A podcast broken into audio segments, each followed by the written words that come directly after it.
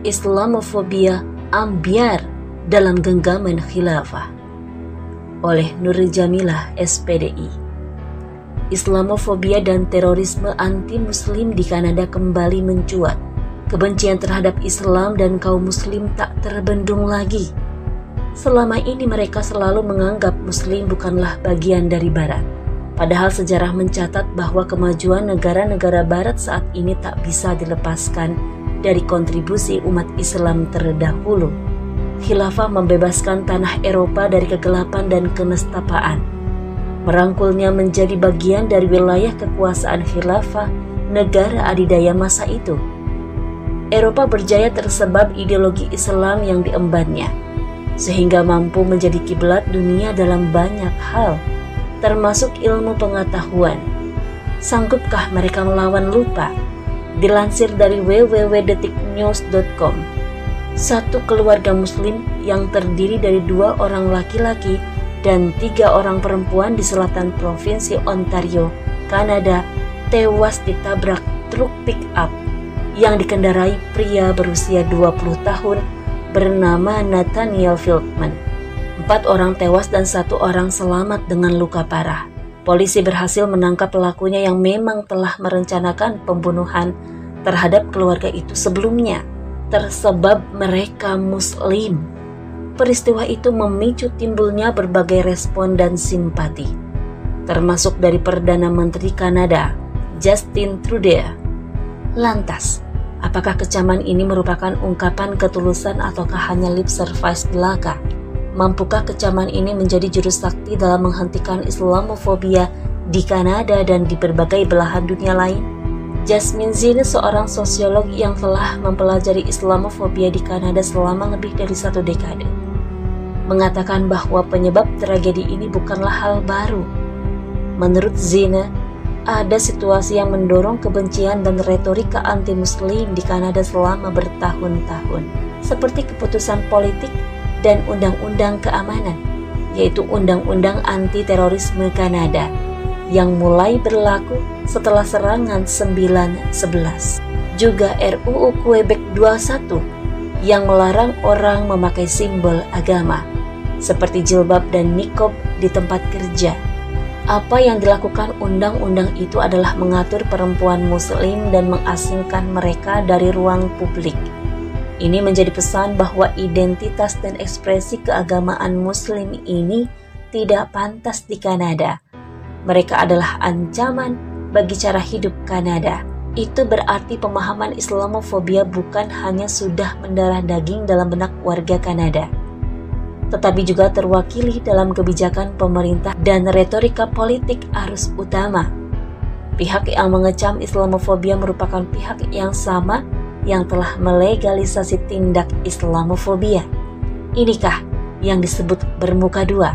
Bagai menegakkan benang basah jika kaum muslim berharap kecaman dari petinggi Kanada akan mampu menghentikan tragedi Islamofobia di masa yang akan datang.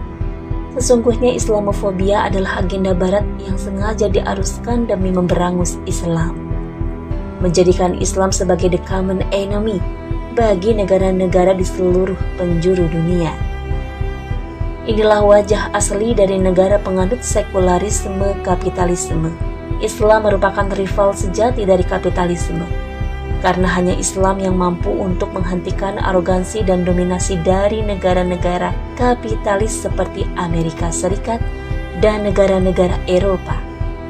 Oleh karena itu, Barat termasuk Eropa selamanya akan terus menggencarkan arus Islamofobia untuk memberangus Islam dan kaum muslim atau setidaknya menghadang kebangkitannya. Karena dengan bangkitnya Islam sebagai ideologi dan menjelma sebagai sebuah negara adalah lonceng kematian bagi kapitalisme. Inilah mimpi buruk yang hendak mereka hindari. Padahal jika kita menilik sejarah sesungguhnya Eropa berutang banyak pada Islam. Edward E. Curtis IV mengatakan, Barat seperti yang kita tahu tidak akan ada tanpa kontribusi Muslim. Muslim telah menjadi bagian dari sejarah Barat sejak 711 Masehi. Ketika umat Islam di bawah kepemimpinan khilafah memasuki wilayah Andalusia, Islam masuk ke Andalusia tahun 711 Masehi. Saat itu Andalusia dikuasai oleh orang-orang Togotik, dipimpin oleh Musa bin Usaid dan Torik bin Ziyad. Kaum muslimin yang berada di Afrika Utara memasuki benua biru tersebut.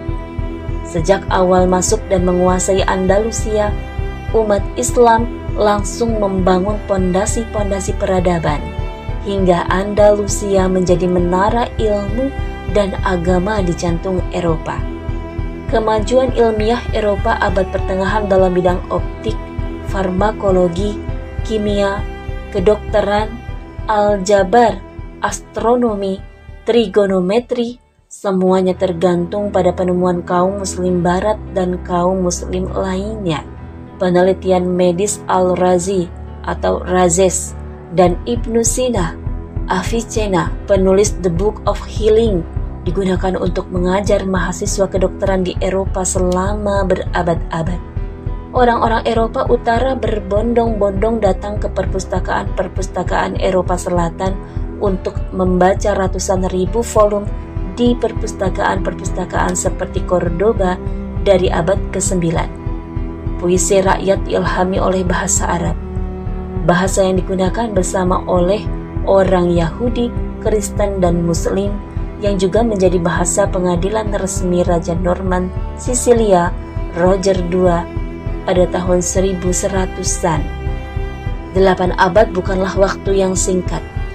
Kekuasaan Islam di Andalusia adalah kekuasaan terlama dalam sejarah negara dan kerajaan Islam. Kontribusi umat Islam untuk pembangunan negara-negara barat modern seperti Amerika Serikat, Inggris, dan Perancis sama pentingnya akan tetapi, para negara kapitalis secara sengaja menghapus sejarah ini dari benak generasi mereka. Islam dan kaum muslim dianggap pihak asing yang selamanya tidak akan diberi ruang dalam kehidupan mereka. Islam merupakan agama sekaligus ideologi yang secara paripurna mengatur seluruh urusan manusia tanpa terkecuali. Bahkan Islam tidak hanya dipeluk oleh individu semata, tetapi diemban oleh suatu negara yang disebut khilafah. Wilayah kekuasaan khilafah hampir meliputi dua per 3 dunia dan mampu berkuasa sekitar 13 abad lamanya. Menjadi negara adidaya, trendsetter sekaligus kiblat dunia. Wilayah-wilayah yang bernaung di bawah kekuasaannya mendapatkan kehidupan terbaik dalam hal kesejahteraan, keamanan, dan mampu hidup berdampingan secara damai meski di dalamnya terdapat keberagaman agama, suku bangsa, dan lain sebagainya. Islam dan kaum muslimin terjaga kehormatan dan kemuliaannya sebagai pemimpin dunia. Khilafah inilah yang akan menjadi perisai bagi kaum muslim atas tindakan teror dan serangan para pembenci Islam. Kaum muslim di bawah komando khalifah akan berperang melawan siapa saja yang berani mengoyak kehormatan Islam dan kaum muslim. Semua negara akan bertekuk lutut di hadapan khilafah sang adidaya. Namun ketika kini khilafah belum tegak, maka upaya yang bisa kita lakukan dalam menghadapi Islamofobia adalah berdakwah sesuai dengan apa yang pernah Rasulullah contohkan dahulu. Gencar melakukan dakwah pemikiran yang terorganisasi dalam dakwah jamaah bukan hanya sebatas dakwah individu. Berupaya membuka mata umat akan kesempurnaan ajaran Islam dan kemuliaan kaum muslim akan diraih jika berislam kafah. Mari kita rebut kembali kehormatan kaum muslim dan Islam dengan memperjuangkan tegaknya khilafah alamin haj an-nubuwah. Sambut kemenangan dengan ikhtiar dan doa. Semoga Allah segera menurunkan pertolongannya kepada kaum muslim. Wallahu a'lam bishawab.